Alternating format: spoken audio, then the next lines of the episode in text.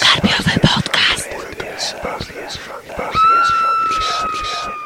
Witamy w kolejnym odcinku Karpiowego Podcastu. Z tej strony Michał Rakowicz, ale nie jestem w dniu dzisiejszym solo, ponieważ e, będziemy nagrywać dzisiejszy odcinek wespół z Pawłem Mateją. Witam Cię, Pawle. Cześć, witam Jerry, witam wszystkich słuchaczy. I zebraliśmy się w duecie, aby porozmawiać o e, wydanej całkiem niedawno na naszym rynku e, nakładem wydawnictwa Dom Horroru z książce zatytułowanej Zgroza w Inswitch Edwarda Lee. Myślę, że możemy zaryzykować stwierdzenie, że jest to książka, jest to powieść, na którą wielu w naszym pięknym kraju ostrzyło sobie zęby od dawna, a co najmniej od tej takiej mikrofali popularności, jaką Edward Lee zaliczył w Polsce po tej takiej trylogii y, wydanej przez replikę. Mówię tutaj trylogii bardziej jako liczbie powieści, jakie, po jakie replika sięgnęła, niż li y, o jakimś formalnym cyklu. To już ładnych parę lat temu było, bo chyba replika sięgnęła po li w którym? 2012 roku, tak podejrzewam? Mm, myślę, że coś takiego. No i wydali wtedy y, Sukuba, następnie Ludzi z Bagien oraz Golema. Sukub był bardzo dobrze przyjęty. Ja pamiętam, że też jako Karpenoktem wyróżnialiśmy tę powieść. Chyba nawet gdzieś tam mhm. w jakichś podsumowaniach roku brylowała, jeżeli dobrze kojarzę. O, to 2011 rok był. I tak, Sukup, bo to jest jedyna z powieści Edwarda Lee, które przeczytałem i mnie się ona bardzo podobała. Znaczy, jedyna nie licząc Grozy w Inswitch. I ja byłem właśnie, tak jak mówisz, bardzo, miałem bardzo duże oczekiwania, byłem bardzo pozytywnie nastawiony do Zgrozy. Tak, myślałem, że będzie to taki naprawdę udany seans jakby z tym pisarzem. No, a jaki był, to zaraz do tego przejdziemy zapewne. Tak. No, ja, ja czytałem w zasadzie wszystko, co wydała replika o. i, i w zasadzie większość tego, co wydał Lee po polsku, bo on się też pojawiał w różnego rodzaju antologiach, e, ale to już raczej z krótszą formą. Natomiast te oczekiwania, o których ty już wspomniałaś, bo też miałem cię o nie właśnie zapytać, jakie były twoje oczekiwania względem tej książki, myślę, że ogólnie były dosyć duże, dlatego że e, tak jak Sukup był bardzo dobrze przyjęty, bo z tymi kolejnymi książkami, czyli z e, Ludźmi z Bagien oraz z Golemem, to już tak było różnie z tym odbiorem. O tyle Zgroza Winswitch to jest jedna, jeden jeden z tych utworów, jeżeli chodzi o Edwarda Lee, które uchodzą za mm, jakieś wyróżniające się w jego twórczości, mm, ze względu przede wszystkim też na to, że on daje i, i sam to przyznaje, ale też i fani Edwarda Lee o tym głośno mówią, mm, daje w tej książce upust swojej wielkiej miłości do Lovecrafta. Ta, ta wielka miłość do Lovecrafta jest wyczuwalna w wielu jego tekstach, y, bo ja nawet i w Sukubie, i w Ludziach z Bagien jakieś y, takie inspiracje y, tą grozą Lovecraftowską widziałem. Natomiast no, zgroza Winswitch już na poziomie takim tytułowym, można powiedzieć, nam sygnalizuje, że tutaj będziemy mieli coś więcej niż tylko jakieś proste nawiązania, taki jakiś bardziej bezpośredni romans z tym Lovecraftem. E, no i tak, no, tak jak mówimy, oczekiwania były duże. Jak wyszło, to zaraz e, będziemy dyskutować. Natomiast zanim przejdziemy do samej fabuły, to chciałbym się jeszcze zatrzymać e, przy wydaniu, dlatego że o tym też warto wspomnieć. To jest bodajże trzecia książka wydana przez Dom Horroru. Trzecia książka, która była wydana zresztą w dwóch wersjach i popraw mnie, jeżeli się mylę, ale akurat tak się fajnie złożyło, że chyba ty masz jedną wersję, ja mam drugą, bo ty chyba jesteś właścicielem tej kolekcjonerskiej. Tak, tak, tak. Ja mam wersję kolekcjonerską, mogę powiedzieć egzemplarz numer 52 dokładnie. No to powiedz, jak ta wersja kolekcjonerska się prezentuje, co zawiera, jak, jak, jak to ogólnie wygląda pod kątem wydania? To znaczy, no obie wersje, co tutaj pewnie wiecie, yy, mają różne okładki. Okładki od początku wzbudzały, mam wrażenie, pewne kontrowersje. Moim zdaniem zdaniem ostatecznie wyszły bardzo fajnie. One się o wiele lepiej, w mojej opinii, prezentują już na wydruku, już jako okładka, niż grafiki w internecie. Jest wstążka, bo mamy tutaj twardą oprawę, więc, więc wstążka to jest taki, takie fajne akcesorium do tego. I jest wstęp Edwarda Lee, którego, jeśli dobrze pamiętam, nie ma w, w wersji z miękką okładką, w tej standardowej wersji. Nie ma, nie ma, dokładnie tak. No, wstęp ma raz, dwa, trzy, cztery strony nie jest długi, ale, ale mm, myślę, że bardzo istotny dla odbioru książki. No i generalnie moim zdaniem wydanie wygląda naprawdę dobrze. Ja akurat y, tutaj bardzo długo się wahałem, czy kupować wersję y, w twardej oprawie, oprawie bo ja twardej oprawy po prostu nie lubię. Ona moim zdaniem ma jakikolwiek sens, jeśli książka ma powyżej 1000 stron czy 800, poniżej to tylko mi utrudnia czytanie, ale no, prezentuje się bardzo ładnie i wyszło, wyszło to naprawdę o wiele lepiej niż y, można się było spodziewać. Y, znaczy mówię tutaj cały czas o okładce, to, to, to finalnie wyszło bardzo fajnie. I w ogóle, no jak na takie świeże wydawnictwo myślę, że, że wydanie jest naprawdę bardzo przyzwoite. Ja tutaj w zasadzie wiele do dodania nie mam, bo tak jak wspomniałeś, dwie główne różnice to jest okładka, która w wersji tej, którą ja posiadam, czyli miękko okładkowej, jest też całkiem fajna chociaż mi się w sumie podobała chyba nawet ta pierwotna e, wersja okładki trochę bardziej, ale i tak e, wygląda to od strony wizualnej bardzo fajnie. E, ja się zdecydowałem na miękką oprawę głównie ze względu na to, że to od razu też warto zaznaczyć na początku naszego podcastu, że to jest niewielka objętościowo książka. Ona ma tam około 220 stron. No i jakoś mi w ogóle twarda oprawa nie do końca do tego pasowała, a też z racji na to, że ja nie jestem do końca kolekcjonerem, to ten argument taki, wiesz, ekskluzywności nie był dla mnie jakimś magnesem. No i ogólnie jestem też zadowolony z tego wydania. Myślę, że, że pod tym kątem to akurat Dom Horroru się spisał. No i teraz wypadałoby przejść do do samej fabuły. Zgroza w Switch, tak jak widać to już po samym tytule, nawiązuje do jednego z najsłynniejszych e, opowiadań H.P. Lovecrafta, czyli do Widma nad e, Innsmouth. Tekstu, który e, ukazał się pierwotnie w 1931 roku i tam poznajemy protagonistę, który chyba z imienia początkowo w ogóle nie jest wymieniony, i y, śledzimy jego podróż w rejonach y, właśnie Innsmouth, Arkham i, i całej Nowej Anglii y, z takim długim przystankiem w tytułowej miejscowości i okazuje się, że to, co wydawało się być spokojnym nadmorskim miasteczkiem, no tym, że spokojnym nadmorskim miasteczkiem nie jest, skrywa swoje mroczne tajemnice. Nasz protagonista będzie musiał się zmierzyć tutaj z mrocznymi siłami, no a później zmierzyć się jeszcze w takim swoistym mm, postscriptum, czy takim ostatnim akcie ze, z jakąś swoją własną mroczną przeszłością. I ten tekst jest o tyle istotny dla y, dzisiaj omawianej zgrozy w Switch, że to nie jest y, jakaś prosta wariacja, czy jakieś proste odniesienie, tylko Edward Lee zdecydował się napisać taki w zasadzie sequel bezpośredni tej historii. Akcja Zgrozy Windswitch rozgrywa się w 1939 roku i poznajemy w ramach tego tekstu Fostera Morleya. Jest to antykwariusz i co bardzo istotne dla fabuły, taki wielbiciel, fanboy, powiedzielibyśmy teraz Lovecrafta, który ma wręcz taką obsesję na punkcie dzieł swojego mistrza jako Lovecraftie e, mówi e, i który no, podąża śladami tych miejscowości, które Lovecraft w swojej twórczości opisywał. On jakby pragnie zobaczyć te miejscowości Nowej Anglii, które mogły być pierwowzorem dla tych miejscowości, które w jego utworach poznajemy.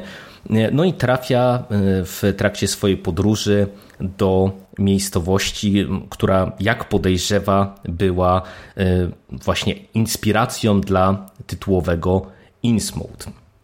No i oczywiście zaczynają się dziać niepokojące rzeczy. Myślę, że na tym etapie e, tyle e, z fabuły powinno Wam, drodzy czytelnicy, wystarczyć. Wiele jakoś chyba tutaj pewnie nie będziemy spoilerować, ale z racji na to, co się dzieje w finale, pewnie jakąś taką sekcję spoilerową e, będziemy chcieli na pewno tutaj e, zrobić, no bo myślę, że samo zakończenie zasługuje na dwa zdania komentarza.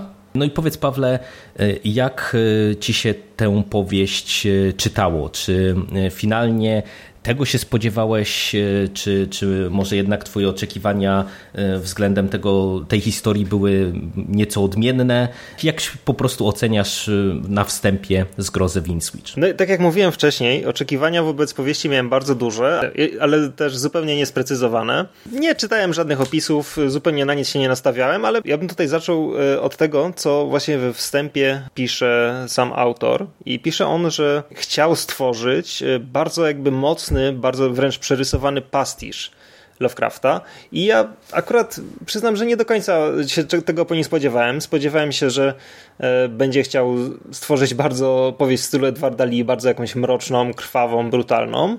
Jak się okazało w finale rzeczywiście taką stworzył, ale myślałem, że połączy ją z Lovecraftowskim klimatem. A moim zdaniem bardzo mało jest go w tej powieści. Jest to powieść, która no niezwykle mocno koncentruje się na, na w ogóle osobie samego Lovecrafta, no bo tutaj warto dodać, y, sama fabuła dzieje się dwa lata po śmierci Lovecrafta i trzy lata po publikacji Widma w Innsmouth. No i właśnie, jest tutaj, Lovecraft jest po prostu na każdym kroku, na, na każdej niemalże stronie jest jakieś wspomnienie o nim. Pierwsze strony powieści to jest bardzo, e, znaczy są pełne w ogóle zachwytów nad e, Lovecraftem, które są po prostu mnożone powielokroć przez narratora, ale tak naprawdę ostatecznie ja tego Lovecrafta w powieści zupełnie nie czułem. I jeśli miał w paru słowach e, powiedzieć, czy, czy jakoś podsumować czy rzucić jakąś ogólną ocenę, to ja jestem bardzo rozczarowany. No ja się w sumie e, z tobą zgodzę, natomiast zacznę od, e, od tego wstępu. Ja tego wstępu z racji na jego brak w mojej wersji nie czytałem przed lekturą i myślę, że o nim też by w dwóch zdaniach nieco więcej warto było powiedzieć, dlatego że zapytam cię jeszcze, ty czytałeś wstęp, rozumiem, przed samą powieścią. Tak, tak, tak. Zacząłem od wstępu. Uznałem, że, że dobrze będzie no, jakoś nie wiem, po prostu rzuciłem się od początku, od samego wstępu i już czytałem dalej powieść. W mojej ocenie, e, bo dzięki tobie też miałem okazję się z tym wstępem zapoznać, no to ten wstęp e, wyrządza ogromną krzywdę tej, tej powieści.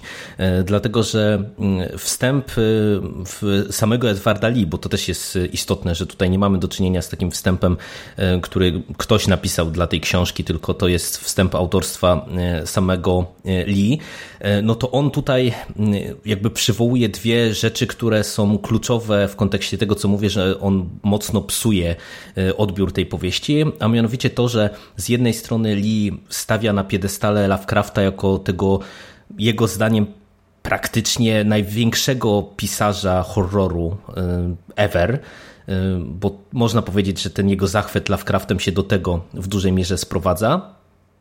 A z drugiej strony y, właśnie wskazuje na to, że y, te, te, ta książka, którą zaraz przyjdzie nam czytać, czyli Zgroza w Switch, no będzie takim jego listem miłosnym do, do Lovecrafta i to, że on w tej powieści z jednej strony będzie chciał stworzyć pastisz dzieł swojego mistrza, ale przede wszystkim też, no, że będzie chciał jakby oddać to, co w tej prozie jest jego zdaniem najistotniejsze. Przy czym tutaj od razu we wstępie moim zdaniem Lee pokazuje e, coś, co mnie trochę zaskoczyło, bo e, znając jego wiele wypowiedzi i czytając inne jego utwory, które faktycznie miały ten gęsty taki klimat znany z powieści E, Lovecrafta, no to on tutaj we wstępie pokazuje, że jakby w ogóle wydaje mi się nie zrozumiał tego, co jest sednem tej twórczości, bo wyciąga na wierzch, na pierwszy plan potwory, mitologię Cthulhu, jakby zupełnie pomijając to granie atmosferą i ten kosmiczny horror, który w twórczości no, Lovecrafta jest mimo wszystko kluczowy. No przecież sam Lovecraft wielokrotnie przywoływał to, że no, no te potwory y, wielcy przedwieczni, no to to jest jakieś tylko narzędzie, które ma czytelnikom pokazać miałkość naszego istnienia i, i, i, bezmiar kosmosu, a nie, a nie być e, po prostu takim typowym horrorowym monstrum. E, no a niestety we wstępie, przynajmniej tak jak ja go zrozumiałem, i tu zaraz będzie pytanie do ciebie, Pawle, czy też e, tak to odebrałaś, no Lee no, wskazuje na coś zupełnie odwrotnego, czyli tak jakby to było meritum, to, że te, ci wielcy przedwieczni są straszni jak sami w sobie i że to oni są taką siłą tej prozy. Nie wiem, czy to tylko było błędne przeze mnie zrozumienie tego wstępu, czy, czy miałeś podobny problem z nim? Nie, nie, ja zrozumiałem ten wstęp podobnie, ale jakby odnosząc to jeszcze, co mówisz do samej powieści, to y, mam wrażenie, że jeszcze co innego właśnie pisze on we wstępie, już o tych przywołanych przedwiecznych, a co innego jest w powieści, bo w powieści moim zdaniem na pierwszym planie są okaleczenia i cycki. I to już jakby no, w ogóle w rozwalało mnie. no tego można się było spodziewać. Tak, ale wiesz, on we wstępie zaznacza, że będzie to pastisz. I ja pastisz rozumiem tutaj bardzo dosłownie, bo jakby cały kontekst tego wstępu, sekundkę, ja tutaj może szukam tutaj po prostu tego cytatu. Dobra, i piszę tutaj tak. I choć wpływ Lovecrafta widać w chyba każdym zdaniu, jakie kiedykolwiek napisałem, uważam, że jest kwestią honoru, by spróbować go naśladować w jeszcze bardziej bezpośredni sposób, poprzez historię, którą fachowo nazywa się pastiszem.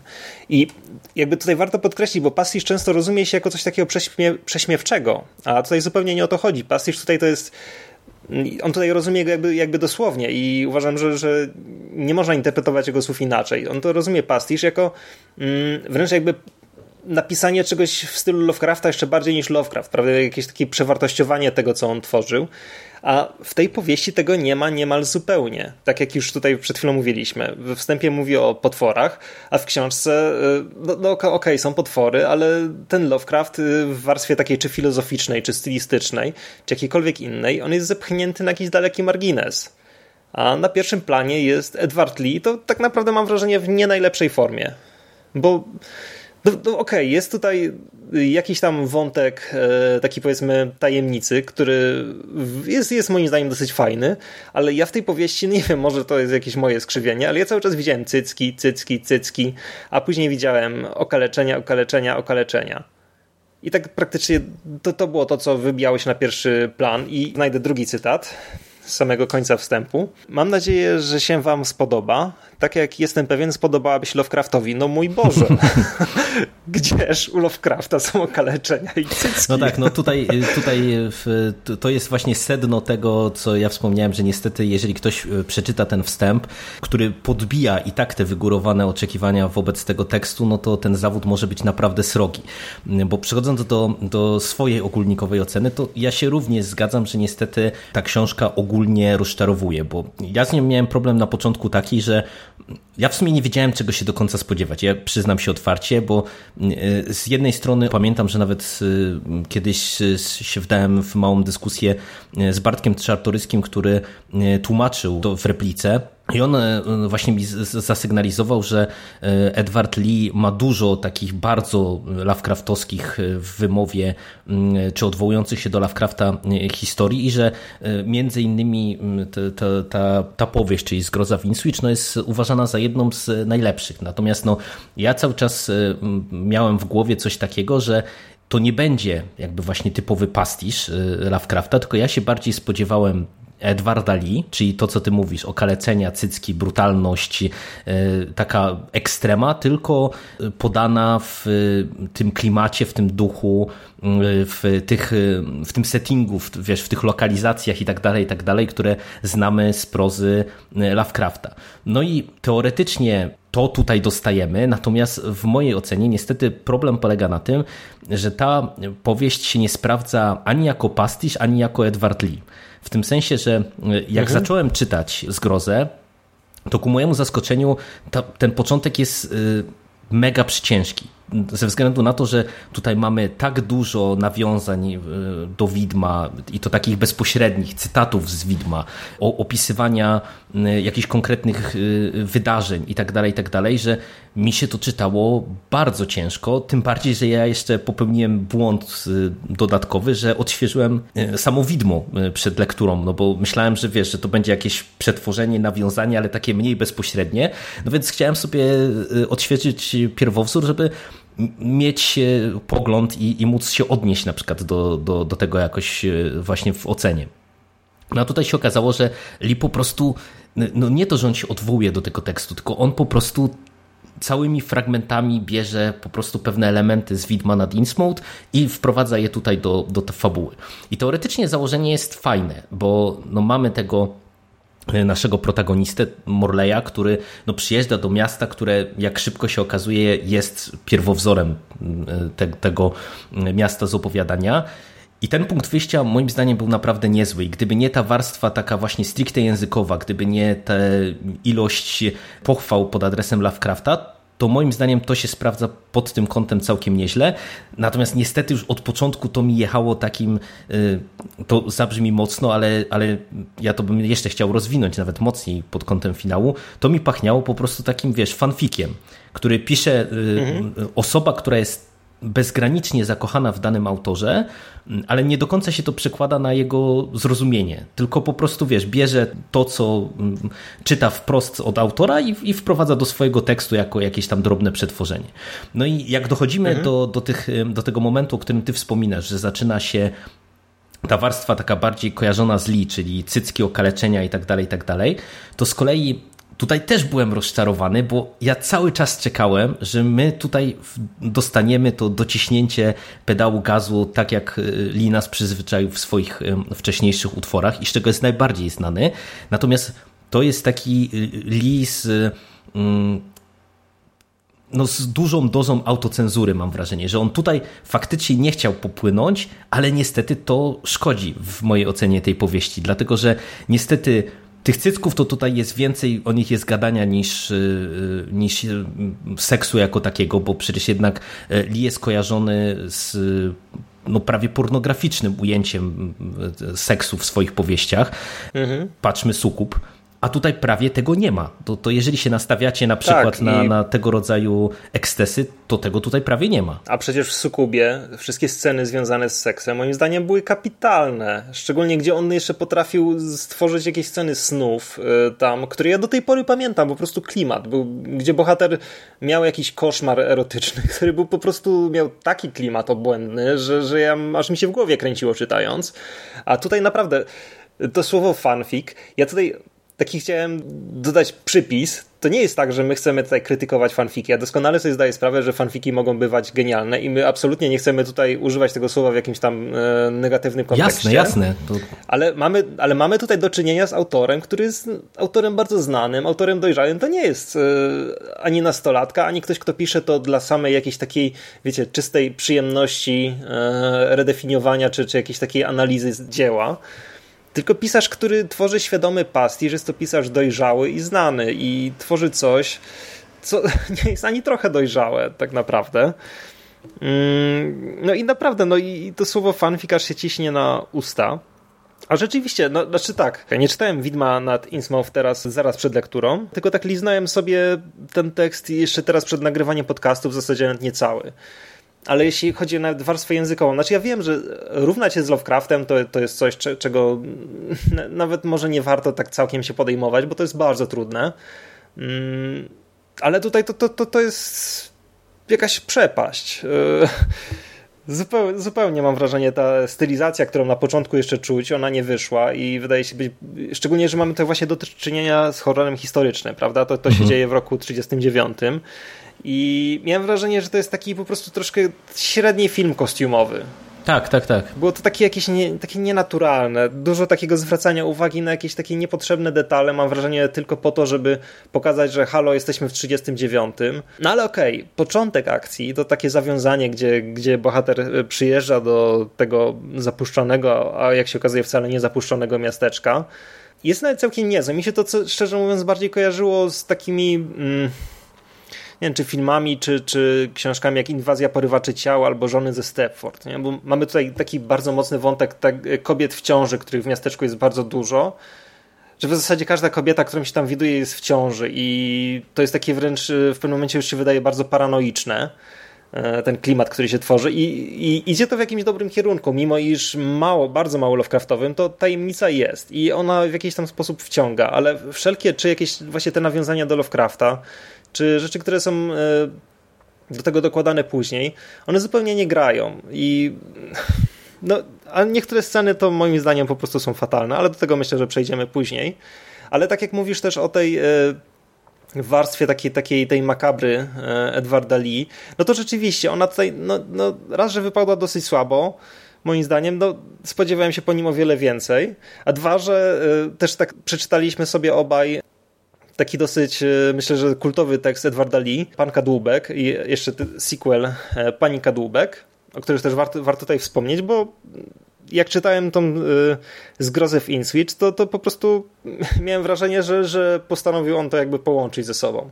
Że to jest jakby trochę fanfika Lovecraftowskiego i trochę pana Kadłubka tak naprawdę.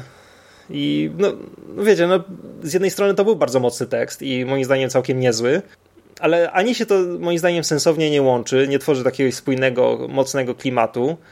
No a poza tym jest to czytanie no, drugi raz te, te, tego samego chwytu. No tak, to, to mamy do czynienia tutaj z takim prawie autoplagiatem. Ja się przyznam mhm. już szczerze, że tak jak ty mm, pana Kadłubka znałeś wcześniej przed lekturą, to ja akurat sięgnąłem do niego po lekturze, ale to, to też wydaje mi się, że jeżeli ktoś kojarzy to opowiadanie Lee, a ono było wydane u nas też przez replikę w ramach 13 ran. Tak, tak, pan Kadłubek był w 13 ranach z repliki, to rok 2012. Pani Kadłubek możecie znaleźć w tomiku Wypuść mnie proszę i inne opowiadania, które wydał Dom Horroru, to jest ich debiut. I to jest chyba pierwsze opowiadanie ze zbioru. I z tej, z tej perspektywy, jeżeli ktoś siedzi w horrorze, no bardzo możliwe, że e, tę antologię kojarzy. No i tutaj w tym momencie to też psuje dodatkowo odbiór tego tekstu, no bo mówię, mamy tutaj do czynienia niemalże z autoplagiatem. I też wracając na sekundkę do tego, co powiedziałem o, fanfiku, to y, ja tutaj też bym chciał to samo podkreślić, że to, to nie miało, e, to moje przyrównanie do fanfiku to nie miało znacze, znaczenia takiego, czy kontekstu takiego, że, że fanfik jako e, twórczość jest e, czymś przeze mnie na przykład, nie wiem, tam pogardzanym, czy uważanym za nic nie warte, ale wiecie, fanfik fanfikowi też nierówny. No tutaj jest tak, że niestety, ale a powiem to od razu, a rozwinę to tylko przy okazji finału. Poziom tego tekstu niestety mi się kojarzy z, takim, z taką gimnazjalną wprawką. Taką, wiecie, mm, pierwszymi krokami kogoś, kto jest właśnie bardzo zakochany w jakimś tam pisarzu mm, i decyduje się y, napisać opowiadanie w danym, nie wiem, uniwersum, w danym świecie korzystając z naprawdę najprostszych możliwych patentów. E, e, fanfiction ma to do siebie, że przecież w tym nurcie można zrobić wszystko. No, ogranicza nas tak naprawdę tylko i wyłącznie nasza wyobraźnia i ramy tego, w ramach czego piszemy ten fanfic. No i tutaj umówmy się, że e, Lee sięgając wprost, i on o tym wprost mówi, sięgając po e, twórczość Lovecrafta i chcąc napisać pastisz, miał naprawdę no, mnóstwo możliwości, jak e, tę historię ciekawie rozwinąć.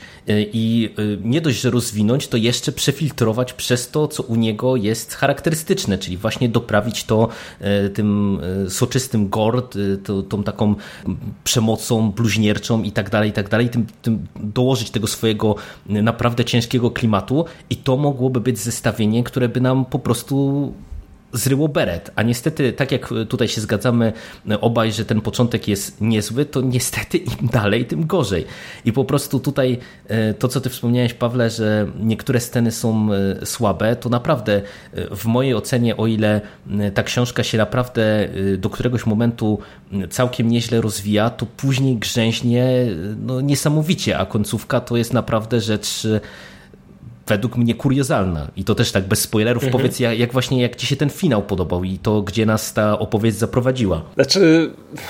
No, nie chcę też tutaj w tym momencie za dużo zdradzać, ale no opadła mi szczęka w pewnym momencie, bo tak, ale z takiego autentycznego niedowierzania to znaczy, dobra, później powiemy dokładnie o co chodzi, ale no, no Jezu, no ten finał był dla mnie naprawdę kuriozalny. No i żebyśmy może nie błądzili, no to, to y, podsumowując jakby te, te nasze rozważania y, bezspoilerowe, niestety jesteśmy y, zawiedzeni tym tekstem. No, spodziewaliśmy się czegoś naprawdę dobrego i myślę, że wszyscy fani horroru czekali na, na tę powieść i wszyscy się bardzo cieszyli, jak e, Dom Horroru zapowiedział, że jedną z kolejnych e, książek e, będzie ten tytuł Edwarda Lee.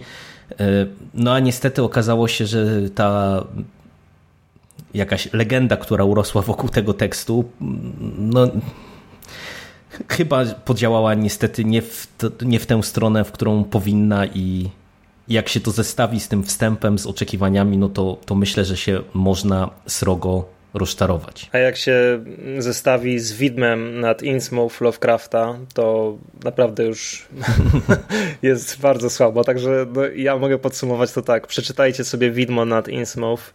To jest genialne opowiadanie. To jest, to jest opowiadanie, które po prostu ma taki klimat, że człowiekiem trzęsie i po prostu tyle, tyle rzeczy tam jest tworzonych, które są rozwijane do tej pory w horrorze czy w science fiction i tak dalej.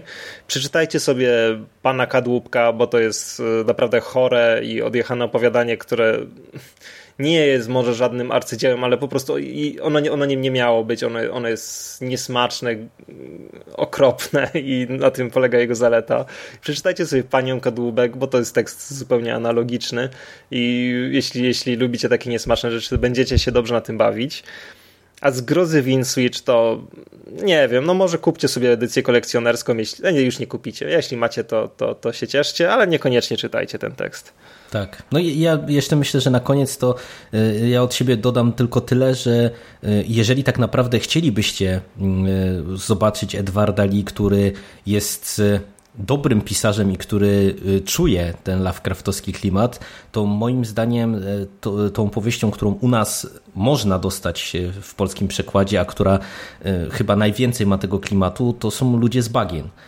I jeżeli naprawdę byście chcieli zobaczyć e, dobry tekst tego autora, mm, utrzymany e, właśnie w takiej atmosferze, w takim klimacie niepokojącym, który łączy to, co kojarzymy z Edwardem Lee, czyli właśnie wszystkie te seksualne perwersje, zboczenia, e, gore i, i mnóstwo, mnóstwo absolutnie odjechanych elementów, i doprawionych to wszystko mm, tym z takim klimatem gęstym, który kojarzymy z Lovecraftem, to, to przeczytajcie sobie Ludzie z Bagien, a z grozem możecie sobie, myślę, śmiało odpuścić.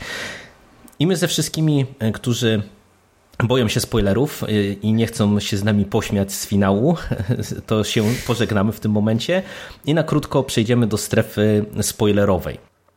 E, no i powiedz, e, Pawle, teraz już otwarcie, co wywołało u ciebie tak duży opad szczęki? To znaczy, u mnie to było w ogóle pojawienie się w powieści e, samej sylwetki Lovecrafta, który mm, był nieumarłym, czy jakimś zombie wskrzeszonym przez istoty z głębin. Nie wiem. ja generalnie sam ten motyw to jest coś co, co no, no, no, opadła mi szczęka i parsknąłem, jak to przeczytałem. To było tak dla mnie groteskowe i no po prostu zabawne i niepasujące do samej historii, że, że bardzo byłem zaskoczony tym. No ja podobnie, a tutaj dostajemy też jeszcze dziecko Lovecrafta, co też y, do, tak, do, dodatkowo, tak. dodatkowo jest y, takim elementem, który sam w sobie już jest dziwny i teraz mi się w sumie przypomniało, to mogliśmy nawet zasugerować w, te, w tej sekcji bez spoilerów, że tak naprawdę to lepiej nie czytać y, tego streszczenia z tyłu okładki, bo, bo ono zdradza dużo za dużo i, i tam na przykład to dziecko Lovecrafta pada wprost i ja jak pamiętam, że to miałem przeczytane przed lekturą, to jakoś to wyparłem i po prostu ten moment, kiedy nagle się okazuje, że mm, nasza Mary y, spłodziła dziecko z y, Lovecraftem między innymi, y, a później dostajemy samego mistrza w postaci tego takiego quasi-zombie, no to, to ja też stwierdziłem, że to jest tutaj po prostu już przesada, przesada w, znaczy, tą, w tę złą stronę. takie autentyczne jakieś takie zombie, ale coś takiego strasznego, nie? A to nie, to jest po prostu mm, bohater, który, no okej, okay, on jakoś gdzieś tam cały czas był w tle w powieści, my o tym nie wiedzieliśmy, ale na końcu on po prostu przychodzi i on ratuje sytuację i on jest po prostu super bohaterem niemalże. No, Jezu, no jakby, no, no, no, jeśli, jeśli jesteście w strefie spoilerowej, pewnie przeczytaliście i doskonale czujecie, z, z czego my się teraz śmiejemy. Znaczy, ja, ja bym powiedział w ogóle jeszcze, że tak naprawdę to tutaj ten Lovecraft to dla mnie to była taka już wisienka na torcie, albo raczej kropla, która przelała czarę mojej goryczy, bo, tak, bo w tak. zasadzie cały ten finał od któregoś momentu y, dla mnie y, poszedł w bardzo złą stronę, bo cały ten motyw wiesz, z przekazywaniem dzieci e, przedwiecznym jako jakiegoś tam materiału do badań genetycznych no proszę cię, to, to było dla mnie tak od czapy, e, tak, gdzie, tak. gdzie wiesz, no to, to, to nie miało żadnego uzasadnienia. Ja w tym mhm. momencie to stwierdziłem trochę tak, że Lee chyba miał pomysł, ten, który był w sumie najciekawszy w całym opowiadaniu, który robił, robił do pewnego momentu atmosferę, czyli e, wiesz, te kobiety w ciąży i, I, dorobił do tego całą resztę, która y, no niestety była po prostu zła na tak wielu poziomach. Y, wiesz, mhm. te ożywianie w ogóle zwłok, y, które było totalnie bez sensu i, i też jakby totalnie niekonsekwentne, bo bo w zasadzie to ja nie wiem na jakiej zasadzie niektóre te zwłoki ożywały, a, a inne, inne nie, albo inaczej można powiedzieć, dlaczego tylko tak niewiele tych zwłok ożywało, bo przecież patrząc na teoretyczną potęgę, którą tutaj próbuje nam Lee przedstawić tych przedwiecznych, no to, to przecież oni sobie powinni z sytuacją poradzić chociażby właśnie taką jakąś armą, armią zombie ożyw, ożywionych przez nich, a, a tutaj no ta końcówka jest naprawdę kuriozalna na tak wielu poziomach i, i mówię i od tego rozwiązania e, począwszy i od e, postaci Lovecrafta i od tego takiego finału utrzymanego w konwencji jakiegoś takiego, nie wiem, słabego horroru akcji, nie? gdzie mamy te, te, mhm. tę wielką ucieczkę. Nie, no to było, to było naprawdę słabe. No, Szczególnie, że miałem wrażenie, że właśnie bohater, czy, czy, czy wszyscy bohaterowie, którzy tam w finale byli, oni tak trochę biegali bez sensu, nie? To było, że tutaj coś samochód odpalić, tutaj trzeba po kogoś pobiec, wrócić i to po prostu przez chyba kilkanaście stron, jeśli nie kilkadziesiąt, po prostu bohaterowie biegali i tak zupełnie właśnie od czapy, wiedząc, że grozi im jakieś gigantyczne zagrożenie, ale nie, no trzeba biegać. Ale w ogóle dla mnie taka scena, taka scena była wcześniej, która no, no, no bardzo też, też wydawała mi się jakimś takim, nie wiem, no, no była bardzo zła. To była, kiedy w jaskini narrator zobaczył tego właściciela, właściciela firmy Fish Fed Pork, mm -hmm. e, która sprzedawała, e, no właśnie, mięso świń karmionych rybami teoretycznie, a jak się okazało, tak naprawdę e, było to mięso istot z głębin, czy jakichś mut mutantów, istot z głębin i ludzi, czy, czy mutantów? Złe słowo Hmm, hybryd, hybryd, hybryd tak. ludzi i istot z głębin, które gdzieś leżały w jaskini i on, e, ten underdog e, razem z synem zakradali się codziennie chyba czy co jakiś czas do jaskini, gdzie le leżały stosy trupów tych istot z głębin i odcinali ich kawałki i udawali, że to jest wieprzowina. I okej, okay, no ta scena sama w sobie to jeszcze tam się jakoś broni, ale jak tam weszły dialogi i one były po prostu tak raz, że teatralne, dwa, że po, po prostu niepotrzebne i takie, takie na siłę tłumaczące e, czytelnikowi, co się dzieje. No bo, Jezu, widzimy, że oni, znaczy widzimy oczami narratora, że oni wchodzą do jaskini, że gdzieś się tam czają i odcinają mięso i ojciec mówi synowi, że tak, odkrawaj to mięso, będziemy udawać, że to świnie karmione rybami. Tak, my o tym jako, jako czytelnicy nie wiemy, Wiemy, Boże, no, a to jest tam naprawdę, jest tak mocno jakby tłumaczone w dialogach między ojcem a synem, gdzie oni naprawdę nie zakradają się tam pierwszy raz, tego, tak, tak wynika z kontekstu, a ojciec tłumaczy synowi, co ma robić, bo muszą mieć mięso. To było, to było straszne. To było słabe, ale y, tak jak mi się w sumie sama ta scena jako scena to mi się nawet podobała, chociaż ja od któregoś momentu to tak podejrzewałem, że to w takim kierunku może pójść, ale y, y, moim zdaniem to, to co większą krzywdę robi, bo już tam tej, tej warstwy takiej językowej i tych dialogów, to ja już to pominę, to wiesz, to mi to popsuło całą tę historię jeszcze bardziej, dlatego że moim zdaniem ta scena bardzo mocno rozwala cały ten świat przedstawiony, no bo wiesz, tam w tej jadłodajni, no widać, że się te stołują na przykład miejscowi. No to wiesz, ja rozumiem, że przyjezdny może pojechać tam na kanapkę, e, zobaczyć, e, że faktycznie są świnie, posłuchać tej historii e, o karmieniu rybami i zjeść kanapkę ze smakiem. No ale miejscowi, widząc, że tam jest te pięć świń od mm, zawsze, e, a ci cały czas mają świeże mięso na przykład, no to, to powinno im dać coś do myślenia, mm. nie? A nie mówiąc już o tym, że przecież zaraz po tym następuje e, wielka zemsta tych przedwiecznych e, mm, z dna oceanu i, i zabicie tych, tych miejscowych za sprofanowanie tych hybryd właśnie, no co, co też jest bez sensu, no bo albo, albo, nie? No jeżeli oni już tam mhm. działali przez jakiś długi okres czasu, no to tak naprawdę co, co, spowodowało, że, że nagle ci wielcy przedwieczni zdecydowali się na przykład ich ukarać? No przecież to, to, to nie ma to sensu.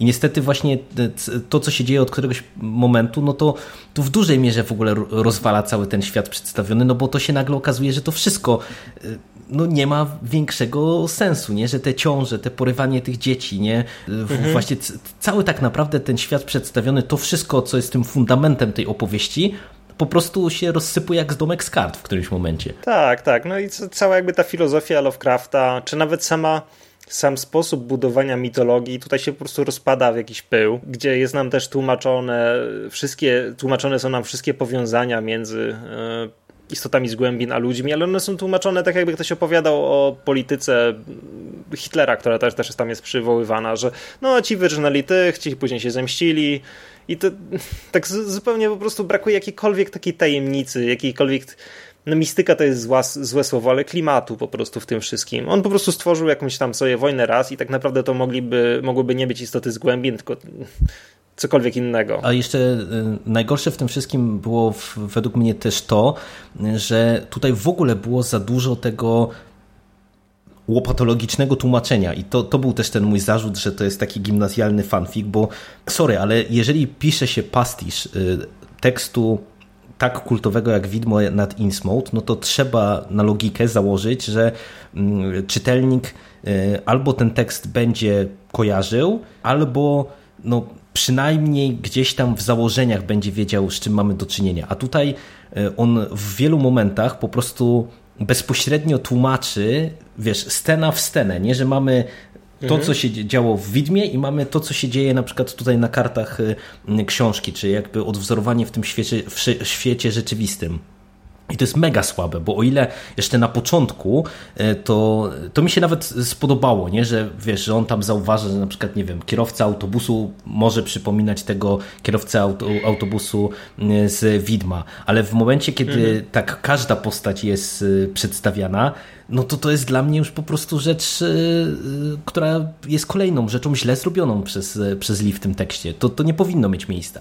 A to, co jeszcze mnie dobiło w tej końcówce, to była ta, wiesz, ta ostatnia scena, bo ja też to odbieram, że Lee chciał zrobić tutaj coś takiego, jak mamy w Widmie nad Innsmouth, gdzie tam dochodzi ten taki finałowy akt, gdzie nasz protagonista musi się zmierzyć z własną przeszłością, czyli tym, że gdzieś tam może mieć jakieś, jakiś procent krwi tych istot z głębin y, przez y, rodzinę swoją. E, no i tutaj mhm. też chciał jakby Lee nawiązać do tego, ale zrobił to też w tak po prostu maksymalnie wkurzającym dla mnie stylu, że to aż boli, bo no, przy, przypomnijcie sobie drodzy, jeżeli czytaliście jakiś czas temu na przykład, że tam dostajemy informację nagle, że w trakcie tej bieganiny naszego głównego protagonisty Morleya, Mary pomiędzy urodzeniem dziecka a pojawieniem się Morleya z powrotem, co teoretycznie miało miejsce bardzo szybko, została przez tego swojego ojca, który przecież tam jest prawie że pokazane, że on się już ruszać nie mógł, y, jakoś bardzo brutalnie zgwałcona. Co było dla mnie naprawdę już takim dobiciem po prostu, dokręceniem śruby, ale w takim negatywnym, y, negatywnym kontekście i bardzo mnie zirytowała ta scena. Nie wiem, czy, czy też y, masz z nią problem, czy to jakoś tam jesteś w stanie to zaakceptować. Tak, tak.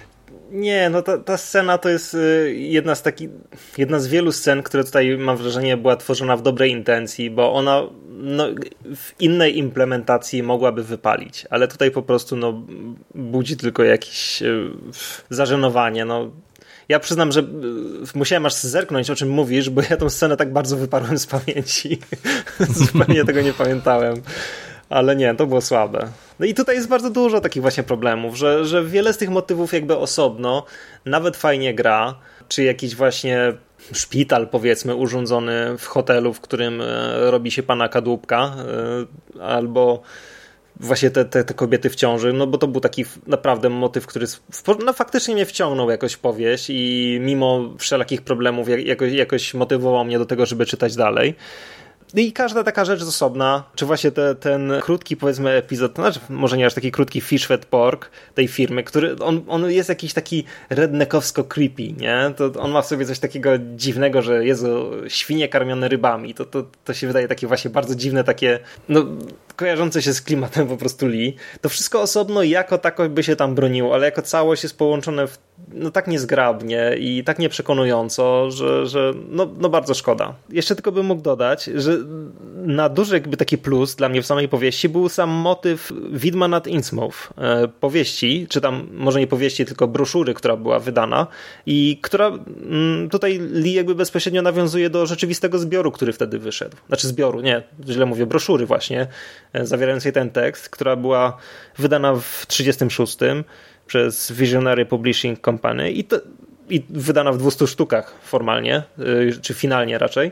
I no to było coś, co, co mi się podobało, jakby, że jakby postanowił zaczepić się o ten motyw i jakby rozwinąć sam fakt istnienia takiej publikacji. To była chyba jedyna taka e, autorska powiedzmy publikacja Lovecrafta, którą wydał za życia i fajnie, że jakby chciał to uświetnić, no ale no nie wyszło. No tak, no to, to pod tym kątem to jest chyba w ogóle taka najbardziej problematyczna rzecz w tej książce, czyli to, co mówisz poszczególne sceny, poszczególne sekwencje, bo na przykład ja też uważam, że e, cała ta akcja w hotelu na przykład, wiesz, tam to chodzenie pomiędzy piętrami i tak dalej, to, to było całkiem niezłe, to była na przykład mocna sekwencja, ale niestety zabrakło tutaj konsekwencji. Tu e, stylizacja językowa nie działa, e, historia, to co jest spoiwem całej tej opowieści, tym fundamentem naprawdę rozsypuje się jak domek z kart. Te nawiązania do widma, gdyby one były takie jak to, o czym ty teraz wspominasz, czyli na zasadzie fajnych smaczków dla fanów, to by było super, a niestety dostajemy tutaj to y, podawane łopatą y, i to jeszcze dużymi zgłoskami, tak żebyśmy broń Boże nie przegapili, że to jest nawiązanie do, do Lovecrafta. No i mhm. niestety no nie ma tutaj ani klimatu Lovecrafta moim zdaniem, ani też nie ma tego, co, do czego Lee nas przyzwyczaił, bo mówię, ja też naprawdę czekałem na to walnięcie w którymś momencie i, ja też byłem rozczarowany. No tutaj można się kłócić, czy, czy to jest dobrze, czy nie, że on nie, nie, nie docisnął pedału gazu, jeżeli chodzi o, o, to, co potrafi, ale moim zdaniem to akurat jest, jest słabe, naprawdę. Ja bym wolał jakieś takie już naprawdę mm, chore i perwersyjne elementy w końcówce, do, do, z jakich on jest znany, niż, niż po prostu takie trochę w gruncie rzeczy no, nijakie czytadełko które dostaliśmy. Mhm, tak, a jeszcze w ogóle, bo to już w zasadzie chyba będziemy powoli kończyć, ale jeszcze tak, jest ta kwestia, o której na początku dużo mówiłem. Ja mówiłem o słowie cycki, bo tutaj innego to tak naprawdę nie ma sensu chyba używać.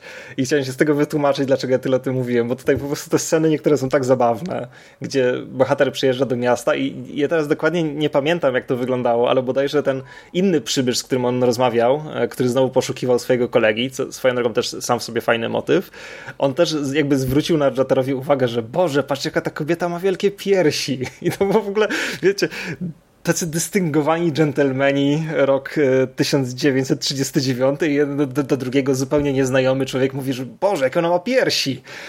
I takich motywów było co chwilę mnóstwo. Znaczy później już narrator sam z siebie po prostu cały czas e, jakby do tego tematu wracał, że tutaj kobieta, którą spotkał, jakie cycki. I tutaj znowu i znowu. A już takim naj, naj, taką wisienką na torcie jakby e, tego wszystkiego była scena w jaskini, gdzie bohater został zaatakowany przez martwą, nagą prostytutkę, która została wskrzeszona. Nie wiem, czy pamiętasz to? Ona nie, się nie, to, rzuciła, znaczy, ona... Samą scenę pamiętam, ale e, akurat motywu z piersiami nie pamiętam. Wiesz co, szkoda, że kurczę, nie przygotowałem sobie tego cytatu, ale pierwsze na co zwróciło mnie uwagę to na to, że ma wielkie piersi. ja po prostu też wtedy aż parsknąłem śmiechem. To, to jest scena, w której on jest w jaskini pełnej y, jakiejś roz... Chyba to była te, te ciała, które się rozkładały, tak, więc tak, tak. po prostu pełno giniącego mięsa, ciemność, smród i on nagle zostaje zaatakowany, rzuca się na niego jakaś y, nieumarła powiedzmy kobieta, zaczyna go dusić i on już jest no naprawdę w bardzo złej sytuacji. On zwraca uwagę na to, że ona ma wielkie piersi. No dobra, nie będę szukał tego cytatu, ale no to, to, to była tragedia. No niestety, niestety. No. Moglibyśmy się jeszcze tutaj naprawdę pewnie długo znęcać nad, nad tą powieścią, ale, ale nie ma pewnie sensu. Jeżeli czytaliście, to dajcie znać, jak wam się podobało, bo, bo być może macie odmienne zdanie od naszego, może was kupiła obrana y, przez Lee w tej opowieści konwencja. No, czekamy na Wasze komentarze, mhm. a my pewnie w przyszłości powrócimy jeszcze też do tego, co Dom Horroru e, wydaje, bo zapowiedzieli przecież kolejną powieść Lee, zapowiedzieli e, nową książkę Maćka Kazimierczaka, który zresztą chyba jest autorem okładek w ogóle, to teraz tak mi się tak, przypomniało. Tak, tak, tak. Także mhm. pewnie z, do samego wydawnictwa powrócimy, no i mamy nadzieję, że się spotkamy, w, żeby porozmawiać o lepszej prozie niż w tym przypadku. Tak, absolutnie nie, skreśla, nie, skreś, nie skreślajcie Edwarda Lee jako autora, jeśli, nawet jeśli byli, byliście rozczarowani z grozą, tak jak my, to no naprawdę można trafić na jego lepsze rzeczy. Myślę, że zbiór wydany wcześniej przez e, Dom Horroru również będzie lepszym. Ja przeczytałem tylko pierwszy z niego tekst i no i już wcześniej mówiłem o nim, o pani Kadłubek. To jest tak do, dosyć specyficzny, ale on sam z siebie się broni o wiele, wiele lepiej. Jest y, o wiele lepiej wpasowany w swoją konwencję i tak dalej, i tak dalej. E, są wcześniejsze powieści, będą jakieś późniejsze dzieła. Nie zrażajcie się do Edwarda Lee, ale no tutaj nie oczekujcie zbyt wiele od tej akurat powieści. No i tym akcentem będziemy kończyć. Dzięki Ci Paweł za dzisiejsze nagranie. Dzięki również. I do usłyszenia w przyszłości. Cześć. Cześć.